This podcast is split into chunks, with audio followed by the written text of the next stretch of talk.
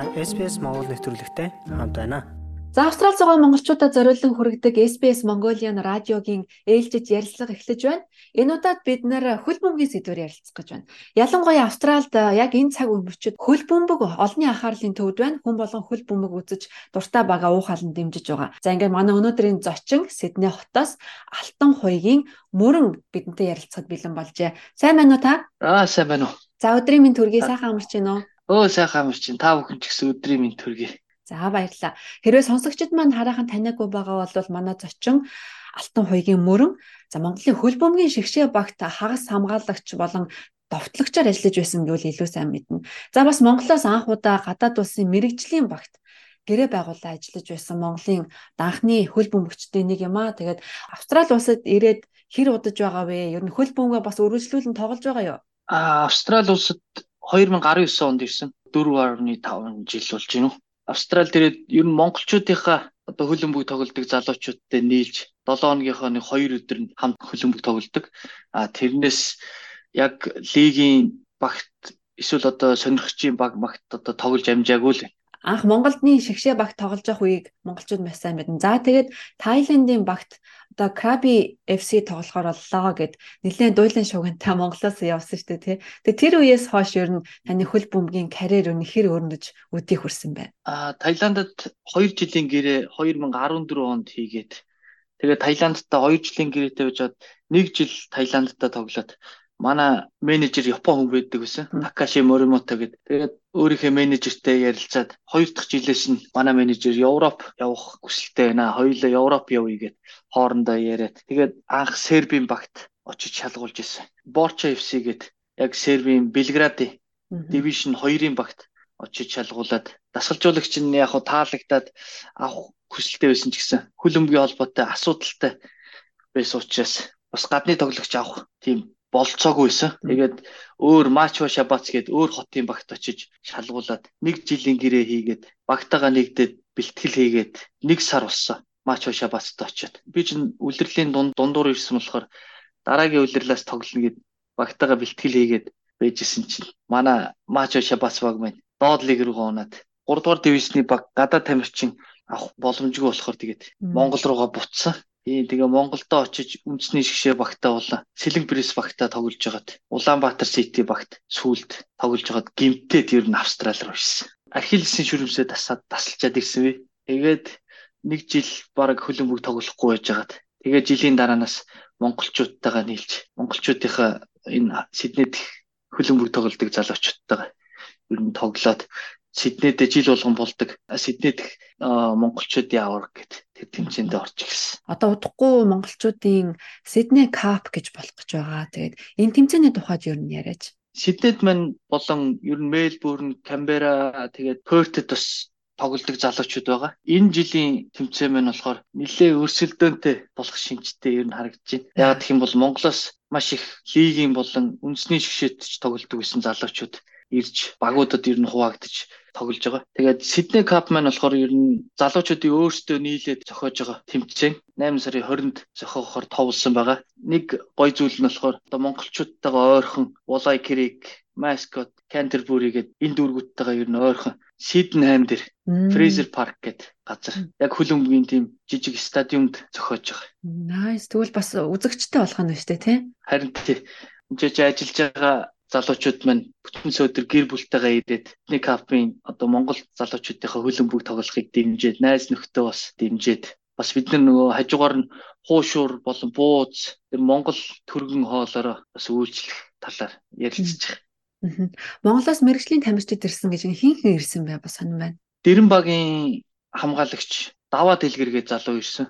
Тэг үндэсний шгшээ багт сүлд тоглож байгаад тэгээд Австралид ирсэн байгаа. Аа тэгээд Батмөнх гээд өмнө хасын хөлгүүд дээдлэгийн багт тоглодог байсан. Бас манай найз байгаа. Наранбаатар гээд бас сүүлд Улаанбаатар Ситид тоглож исэн. Манай 5 дугаар сургуулийн дүү байт. Тэгээд ер нь 1-р лиг болон өмнө тоглож исэн тийм залуучууд зөндөө шинээр ирсэн байл. Тэгээ энэ залуучуудыгаа багуудаа хувааж аваад энэ тэмцээндээ гоё зохиохыг л бодож байна да. А ер нь Австралид бас хөлбөмбөгт сонирхдаг манай монгол залуучууд нэлээд олон байдаг. Тэдэн маань мэрэгжлийн багт орох гэдэг юм уу, клубүүдэд харьяалагдах тийм амжилт ер нь хэр байгаа болоо. Яг хөө миний харж байгаагаар болохоор одоо яг насан залуу байгаа тэгээ форумтой байгаа залуучууд бол одоо нэгдүгээр лиг International League гэдэг одоо яг A League гэдэг Австралийн топ лиг нь байдаг. Тэрний доотлын National League, 1-р лиг гээд дивизнүүд нь бол тоглох боломжтой залуучууд байгаа. Ялчгүй нөгөө нэг энэ чи ирээд бүх одоо амьдралын одоо грэнд тэгэл хоол унд сургалтын төлбөр гээд энэ бүгдээ бас төлөх шаардлагатай болохоор ялчгүй ажил хийхээс өөр аргагүй. Тэгээд бас бэлтгэл сургуультаа хажуугаар нь хийнэхээр жоохон хүндрэлтэй. Яг 100% өөрийгөө зориулж ижил ер нь бас клубын мэрэгжлийн тамирчин болох байх л та тий. Тий. Таны хувьд одоо бас Австралид Монгол хүүхдүүдэд хөл бөмбөгийн хичээл зааж эхэлсэн гэж сонсч байсан. Хүүхдүүд маань ер нь хэр итгэвтэй байна. Хинаа монголчууд ер нь хөл бөмбөгөнд хэр авьяастай байдаг юм бэ? Монголчууд нөө нэг волейбол болон сагсанд ер нь их дуртай хөл бөмбөгийг бодвол харьцангуй нөгөө энэ хоёр спортоо бодох юм бол хөл бөмбөг дээр бол эцэг эхчүүд ч болон хүүхдүүд арай жоохон баг. Тэгвэл яг уу одоо сая намайг явуулж эхэлснээс хойш хөлбөмбөг тоглодог өмнө клубд тоглоогүй янз бүрийн одоо дугууланд яваагүй тийм хүүхдүүд ирж байна.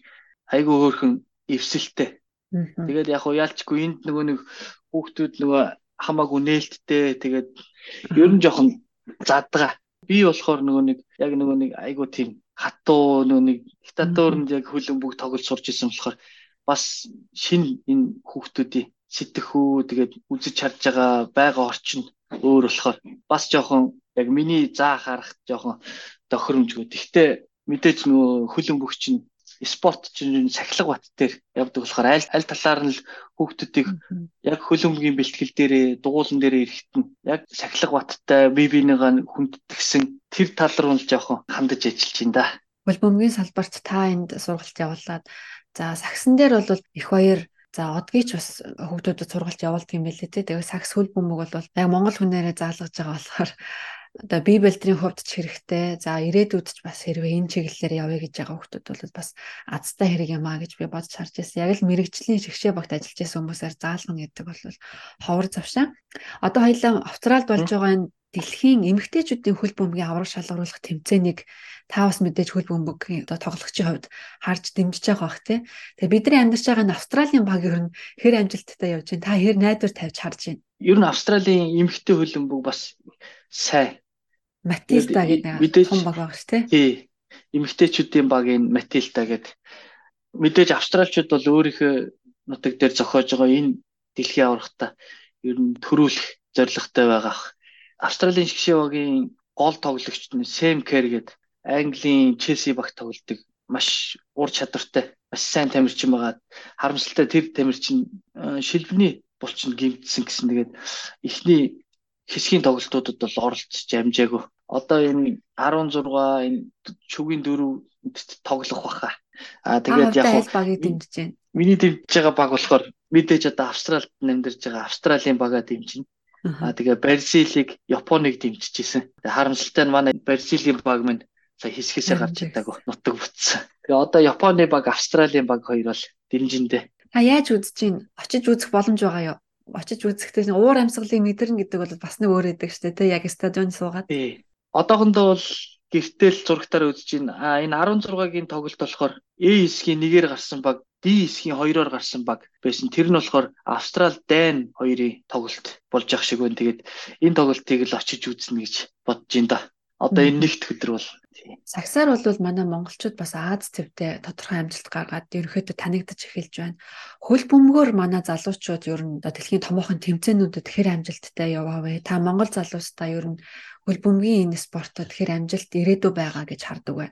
Аа манай Монголд яалчгүй нөгөө нэг цаг өөрийн байдлаас болоод ер нь хөгжихэд бол бас их хэцүү хөлбөмбөгийн спорт бол бид нэр яг жилийн дөрөв үйлрэл лигийн тэмцээнэ тэгээ бэлтгэл сургуультанд ч гэсэн одоо битүү ийм талбайд яг хөлбөмбөгийн зүлгэн талбай дээр бэлтгэлээ хийж иж амжилтанд хүрнэ. Тэгээд бас нэг э, амжилтын үндэс нь бол ер нь бүр багаас нь активтэй болоод хүүхдүүдийг зөв техниктэй, зөв тактиктэй яг мэрэгжлийн дасгалжуулагч нараар багаас нь дасгалжуулж Аз болон дэлхийд амжилттай оролцох эхлэл тавигдан. Тэгээд миний харж байгаагаар бол Монгол залуучууд бас хөлбөмбөг тоглох чадвар бол бас сайн л гэж боддог.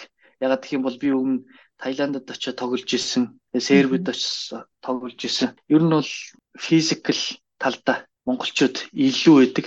Таиландд очиж тоглоход бол э, тамирчтаас э, биеэр том биш ч гэсэн ер нь хоорондоо мөргөлтөн тэр тал дээр бол физикал талдаа бол сайн байдаг. Тэгээ хамгийн гол нь хөлбөмбөгт чинь нөгөө суур техник, хөлбөмбөгийг яаж тоглох вэ мэдээж багийн спорт тэр тактикийг бол миний хувьд хамгийн гол зүйл бол хүүхдийн суур зөв техниктэй. Техник маш чухал. Одоо энэ Реал Мадрид, одоо Европын клубүүд тэгээд энэ Австралийн Сидней FC, энэ Мельбурн FC гэл одоо энэ бүгд хүүхдүүдийг дөрөв наснаас нь актимд авдаг юм байлээ. Тэгээд бас Монгол хүүхдүүдэд ингээд Австрали хүүхдүүдтэй ингээ харьцуулаад ер нь харахад бол Австрали хүүхдүүд ер нь биеэ даасан талтай. Яг тэр хөл өмгийн бэлтгэл дээр бол яг дасгалжуулагчийн хэлснээр юу хийх үү, одоо хаашаа гүйх үү, хинлүү дамжуулах уу гэдэг тэр бүгдийг бол дасгалжуулагч болон өөрөө айгүй тийм сурыг гэсэн тийм мэрэлттэй. А Монгол хүүхдүүдэд харахаар тэгтээ яг хуу миний дасгалжуулж байгаа хүүхдүүд болохоор өмнө ямар ч дугууланд яваагүй болохоор бас ирээл яг нэг одоо гадаа нөгөө утаснасаа салгаж байгаа зүгээр цаг нөхцөгч байгаа хүүхдүүд чиг ер нь бол харагддаг тийм. Тэгээд ер нь тэр тал дээрээ жоохон ялгаатай. Тийм болохоор хамгийн чухал нь мэрэгжлийн дасгалжуулагч нар дээр бүр нэлээд багаас нь спорт энэ хөлөмгийн спорт гэж юу вэ? Бэлтгэл сургуульд хийж юуны төлөө бэлтгэл хийж аваа гэдгийг маш сайн ойлгуулах хэрэгтэй гэж. Одоо би өөрөө тэгээ бодож хүүхдүүдтэйгээ ер нь бас хаяа ярилцдаг. Хүүхдүүдэд ер нь юу гэж хэл цагтаг вэ? Магадгүй аав ээж нарт бас сонсоод хүүхдээ ер нь хөл бөмбөөр хичээлүүлвэл ямар вэ? Хөл бөмбөөр хичээлсний давуу тал хүүхдэд маань ер нь юу байдаг юм бэ гэдэг дээр та юу гэж хэлж зөвлөх вэ? Хамгийн чухал зүйл бол хөлбөмбөгт хүмүүстэй хүүхдүүдтэй ер нь мэдээж нийгэмших тал дээр бусдтай яаж харьцах уу? бие биетэйгээ яаж ойлголцож тоглох уу гэл хөлбөмбөгийн бэлтгэл дээрээс л бусад хүнийг яаж хөндлөх үү, багаар яаж ажиллах уу. Тэгээ хөлбөмбөгийн спортчин бас бусад заалны спортуудыгаа бодох юм бол нар салхинд ер нь цаг агаар ямар ч нөхцөлд бэлтгэл сургуультай хийн тэмцээн ч гэсэн ер нь бороотой, цастай, хүүтэн, нартай хамаагүй тоглодог. Тийм болохоор хүүхдүүд багасаа эрүүл чирэг бас хатууж суун бусадтай тэмцэлдэх өөрийгөө ялах гэд маш олон давуу талтай. Тэгээд мэдээж хөлбөмбөг тоглосон хүүхдүүд ер нь бусад спортыг бол хөөрхөн эвлэгхэн тоглолцдог. А яг хөлбөмбөг тоглодог байсан хүүхдүүд бол ер нь сакс тоглолч нь, волейбол тоглолч нь маш их эвсэлтэй болдог. Бас их мэдрэмжтэй болдог. Тэгээ багийн спорт мэдээж бие биенийгээ хүндлэн бусдтай зөв харилцсан. Тэгээ бусдыг хүндтгэдэг болно энэгээрээ давуу талтай л гэж юу. Ороод байгаа монголчуудын тоол бол жил жилээр өсөж байна. Тэгээд бидний дунд Монголын сагсан бөмбөгийн шигшээ багийн тамирчин, хөл бөмбөгийн шигшээ багийн тамирчид байдгийг бид нар ямар азтай вэ? Өөр хүүхдүүдэд бас яг өөрсдийнх нь хэлээр сургаад авах боломж бидэнд байна. Тэгээд та бүхнийхээ удахгүй зохион байгуулах гэж байгаа Sydney Cup тэмцээнд нь амжилт хүсье. За баярлалаа. Та бүхэн гэсэн ажлыг өндөр амжилт хүсье. За баярлалаа. Тэгээд энэ хашинд бас сонсогчдод хэлэхэд бид нэр Сагсан бөмбөгийн шигшээ багийн тамирчин их баяртай бас яг ийм ярилцлага хийж байсан. Түүний ярилцлагыг сонсох бүсвэл та бүхэн нэвтрүүлгийн тайлбар хэсэгт оруулсан линкээр орж сонсоорой. Тэгээд цаг зав гаргаж бидэнтэй ярилцсан мөрөнд маш их баярлалаа. Амжилт хүсье. За баярлалаа. Олон монгол хүүхдүүдийг хөл бөмбөх дуртай олгож ирээдүйн амжилтын замыг сайхан засч өгөөрэй гэж хэлмээр байна. За баярлалаа. Хичээнэ. За. За баярлалаа баяртай. За баяртай баярлалаа. SPS Монгол хэлээр бидний нэвтрүүлгийг Facebook сошиал хуудасаар бусдаа хуваалцаарай.